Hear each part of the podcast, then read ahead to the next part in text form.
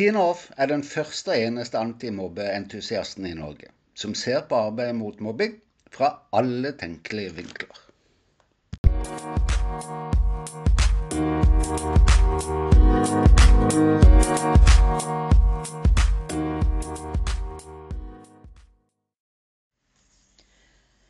Vi nordmenn er ganske så kjente for å være flinke til å snakke om været når vi møter hverandre. Vi er også flinke til å forholde oss til normer, som at hvis jeg spør om du har det bra i dag, så er din jobb å svare ja da, det går fint. Og skulle du mot formodning si noe helt annet, som at det har vært en skikkelig tøff periode, du har vært syk, og at livet faktisk er ganske så tøft for tida, hva skjer da? Hva ville du ha gjort? Ja da, det er klart det er forskjell på hvem som ville ha sagt slik til oss, men også her er vi kjent for å ty til været så kjapt vi bare kan. Hvorfor snakker jeg om dette i dag? Jo, fordi flere elever enn noen gang før har sagt ifra at de ikke har det bra på skolen. De opplever mobbing. Lytter vi? Og hva svarer vi på slikt? Eller hva gjør vi med det? Og hvem er vi i denne sammenheng? Du Klart vi kan snakke om det. Velkommen til ukens episode. Så er det klart, da. Aldri før har så mange elever gitt oss voksne beskjed om at de opplever mobbing på skolen. Jeg har dessverre ikke rukket å lese hele elevundersøkelsen ennå. Men når situasjonen er slik at det nærmest er hver tiende skolebarn som ikke har det bra, da blir jeg skikkelig entusiastisk, og kanskje ikke helt med det rett positive fortegnet. For hvor er vi da? Åssen kan vi la det skje? Flere har allerede vært ute i media med kommentarer, og jeg må bare si det, jeg blir helt svett. Det er vel snart slik at vi kan forvente sånne setninger som at oi, hvis det oppleves sånn av elevene, ja, så er det jo trist, og det er jo beklagelig hvis de opplever det slik. Nei, folkens, nå er det tid for å reise seg. Faglig, solid og i et langt raskere tempo enn så langt. Over fire tiår, fire tiår, 40 år med mobbesatsing må bare innrømmes har slått helt feil. Og er det noe vi ikke kan la skje, så er det at dagens skolemiljø får lov til å stå seg. Hva mener jeg med det? Jo, nå skal du høre.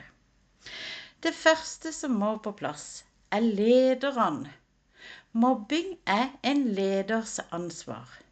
Hva mener jeg med det? Jo, det er rektors lederansvar å sørge for at det ikke skjer mobbing på skolen. Uansett om rektor delegerer det til noen andre eller ei.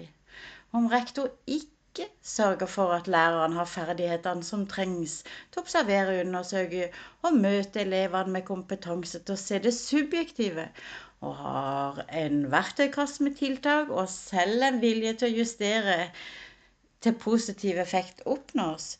Og hvis rektor ikke henter inn ekstern hjelp, da, hvis rektor sjøl ikke har kompetanse til å, å, å, øve opp sånne ferdigheter, ja, da har rektor Da lar rektor mobbing skje. Rektor bryter faktisk lovreglene da. Og jeg vet at det høres hardt ut, men det er et lederansvar som rektor er pålagt, og vi må kunne si det som det er. Det stopper jo altså da ikke der. For en rektor må jo også sjøl ha ferdigheter utover, nei, utover det å sørge for personalets ferdigheter.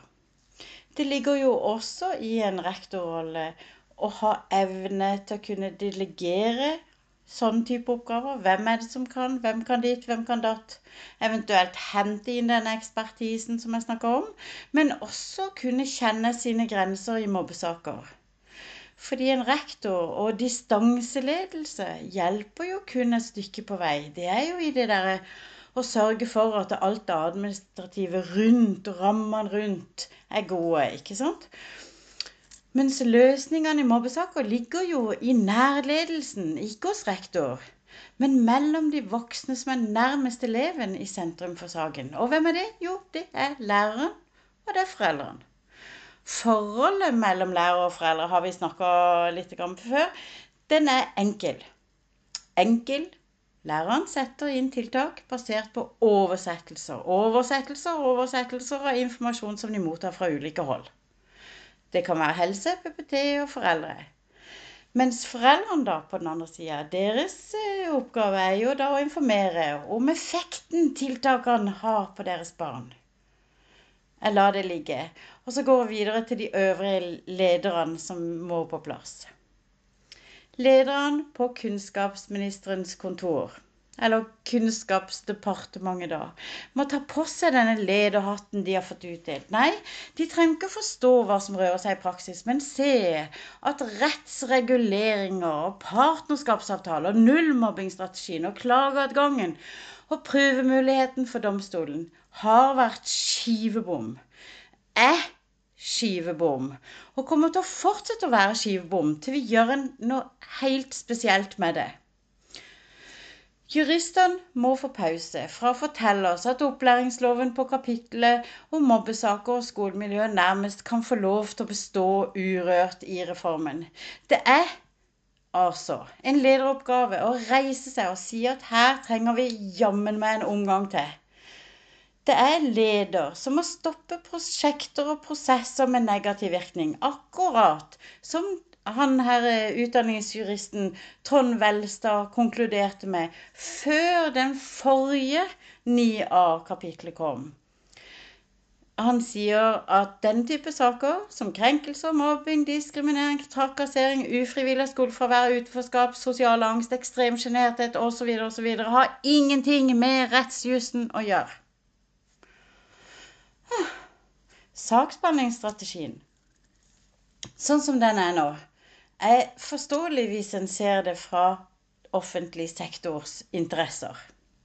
Fordi hver eneste familie blir isolert og må, holde, må hver for seg finne opp kruttet når det gjelder hvilke rettigheter de har og plikter skolen har. Hver og en skal altså eh, stå i voksenkampen som så ofte oppstår mellom skole og hjem. Hver familie må selv søke innsyn, selv klage, selv anmelde de ulike instanser for å avdekke, få rett i, for så kanskje noen, en eller annen instans, gidder å lytte, gi familien medhold, slik at det kanskje skjer noe for deres barn, som slett ikke har det bra, som kanskje har fått påført PTSD i kjølvannet av sin mobbing, f.eks. Men det er jo ikke det som skjer. Tvert imot. Familien får avslag på avslag på avslag. Må klage inn på nytt og på nytt. Sendes fra en instans til en annen. Og til slutt står det på hvor akademisk juridisk de klarer å formulere seg. Hvilke lovhjemler de har funnet, og om det offentlige har en mulighet til å gi de avslag likevel. Dette ligger i strategien. Den motarbeidelsen Først når skolen blir tråkka på tærne fordi en elev opplever mobbing, som i seg selv er et faktisk lovbrudd. Og deretter er det bare å kjøre på foreldrene. Skriftlig, selvfølgelig. For det skriftlige er jo det all senere behandling vurderes ut fra. Og hvem tenker at foreldrene ikke har mer nok med å stå i den tøffe situasjonen til sine barn? Ja, og så eventuelle søsken som skal gi seg normal oppvekstmiljø. Også jobben. Og så partneren, hvis en er så heldig å ha en. Jeg vet ikke hvor mange foreldre som akkurat nå Og Akkurat nå er det veldig seint. Klokka er 03.23 på natta. Som sitter og skriver på en eller annen klage eller en eller annen beskjed eller et eller annet referat eller et eller annet, en kravfrist som de forsøker å svare på innen fristen. Som sitter på natta og på dagen og sitter og nijobber med en søknad. En anmeldelse. Hver og en alene. Sjansen er jo da så lav som overhodet mulig for at det blir bra tekster. Eller hør? Lederne på Kunnskapsdepartementet må reise seg som de lederrollene de har fått. Og det som må på plass, er praksisbehandling. Drit i hele jussen. Vi må bare innrømme at rettssikkerheten som vi trodde, og helt ærlig, vi trodde skulle hjelpe også i mobbesaker, overhodet ikke har hjulpet.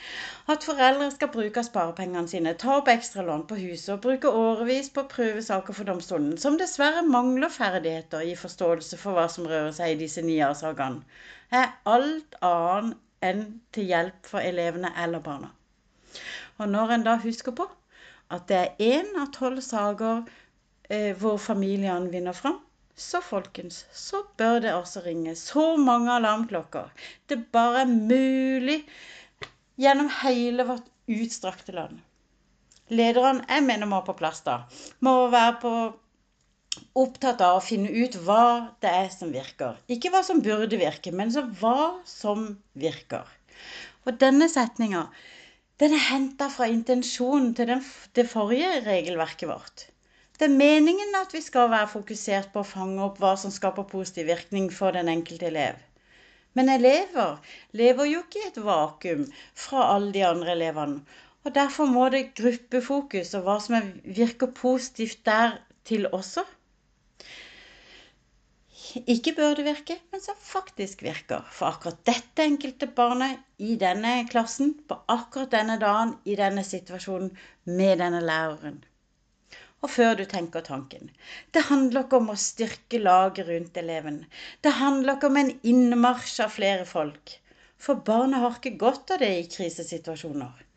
Læreren mangler ikke ferdighetene som skal til i klasserommet, ikke tro det. Det handler om å la læreren se hvordan ferdighetene som brukes faglig, også kan brukes eh, sosialt og i gjenopprettingsarbeidet. Det er heller på to andre områder læreren trenger noe. For det første, alle voksne, også lærere, trenger å slutte seg til det kravet om at det er den subjektive opplevelsen til barnet som gjelder. Det må vi altså nå klare å, å ta til oss. Opplevelser er slettes ikke noe håndfast men handler om følelser, og dermed alt annet enn fakta. Og det kan være trøblete, men det er altså oppgaven vi er gitt. Og for det andre støtte og drahjelp på tiltaksområdet. Og når det gjelder det siste, støtte og drahjelp, altså, så trenger vi et skikkelig praksisfokus. Her kommer seks forslag, jeg tror det ble det, fra meg. For det første Kunnskapsdepartementet må være lederen den skal være, og sørge for at feil og mangler reduseres i et størst mulig grad. Ikke gjennom selvforsvar på de ulike nivåer, men kompetanseutvikling. F.eks. handler det om å se at bekymringsmeldinger til barnevernstjenesten ikke har noe hjemme å gjøre i mobbesaker. Det vet vi, så da må vi gjøre noe med det, ikke sant? En avkrysningsboks på bekymringsmeldingsskjema om det pågår en nyere sak. Og så en avkrysningsboks om bekymringsmeldingen skyldes høyt skolefravær, fordi det er en del av barna som havner i denne kategorien i kjølvannet av mobbing. Det vil hjelpe barna. For det andre straffen i form av pengestraff til kommunen kommer ikke barna til gode. Dette vet vi. Her er det eneste lure for Kunnskapsdepartementet Kunnskapsdepartementet å gjøre, er å sørge for kompetanseutvikling eller ferdighetstrening som obligatorisk straff i gåseøyne ved mobbesaker. Det vil hjelpe barna. For det tredje, Kunnskapsdepartementet kan også med fordel ta tak i dokumentasjonsordningen. Det har blitt en ordning som oppfordrer til selvforsvar. Eneste forfatter er skolen. Helse må med, og foreldrene, uansett hvordan vi snur og vender på det, den øverste ansvarlige for barna sine. Og vi kan ikke tro at hver tiende familie er forferdelige mennesker. Så la oss slutte med det nå. Her kan, som jeg har foreslått flere ganger, det lages elektronisk saksbehandlingsprogram hvor skole, helse og hjem gis likeverdige stemmer. Og den som bestemmer til slutt om hvor veien videre, det er altså foreldrene. Jeg har fremma et slikt forslag og kan fortelle om det en annen dag. For det fjerde kunnskapsministeren trenger et lite krasjkurs. Kunnskapsministeren sjøl. I holdningen som inntas overfor læreren. Det er klart at streikens utfall gjør oppreisningsjobben større for ministeren, men det er på tide å behandle skolens stab en, på en sabla god måte, slik at det kan smitte nedover i rekkene. På den andre sida så har vi rektor. Og rektor har en sjef som er leder for skolene i kommunen. Makter ikke rektor oppøve ferdigheter eller sørge for kvalitet i håndteringen av mobbesaker, får rektors sjef jammen reise seg. Ja, jeg mener skolesjefen, oppvekstsjefen eller hvilken navnstillingen er gitt der du bor. Rektorer trenger også øving. Nei, ikke i rettsregler som kan brukes i selvforsvar. For det hjelper ikke barna, men heller øve på hvordan tilrettelegge for lærere som får mobbing i sine klasser. En ting til. Rektorsjef bør bidra proaktivt også til at rektor gir støtte og drahjelp nok til å skape positiv virkning for både lærerne og foreldrene og barna. Skolesjefen kan fint skape idé- eller ressursbank for både rektorer og en egen for lærerne. Hva mener jeg? Jo, la oss ta lærerens idébank som eksempel.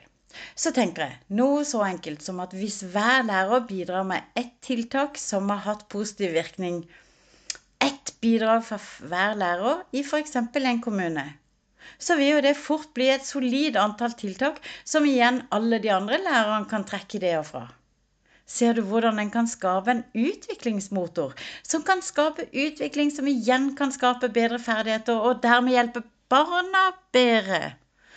Åh, det hadde vært noe. ok, hva mer? Nei, nei, nei, nei, du. Nå har jeg skravla hull i ørene på deg. Så nå må først barna, og så foreldre, virkelig måtte isoleres fra hverandre i kjølvannet av mobbing. Må det være skamfullt å ha et barn som opplever mobbing, en lærer som har mobbing i klassen, og må vi kaste målskive på først barna, så foreldrene og læreren? Er det ikke nok nå? Det funker jo ikke. Ikke i det hele tatt. Vi har spurt elevene hvordan de har det på skolen. Nå sier nesten hver tiende elev at de opplever mobbing. Barna sjøl har fortalt oss det. Og nå, nå må vi ta tak. God uke.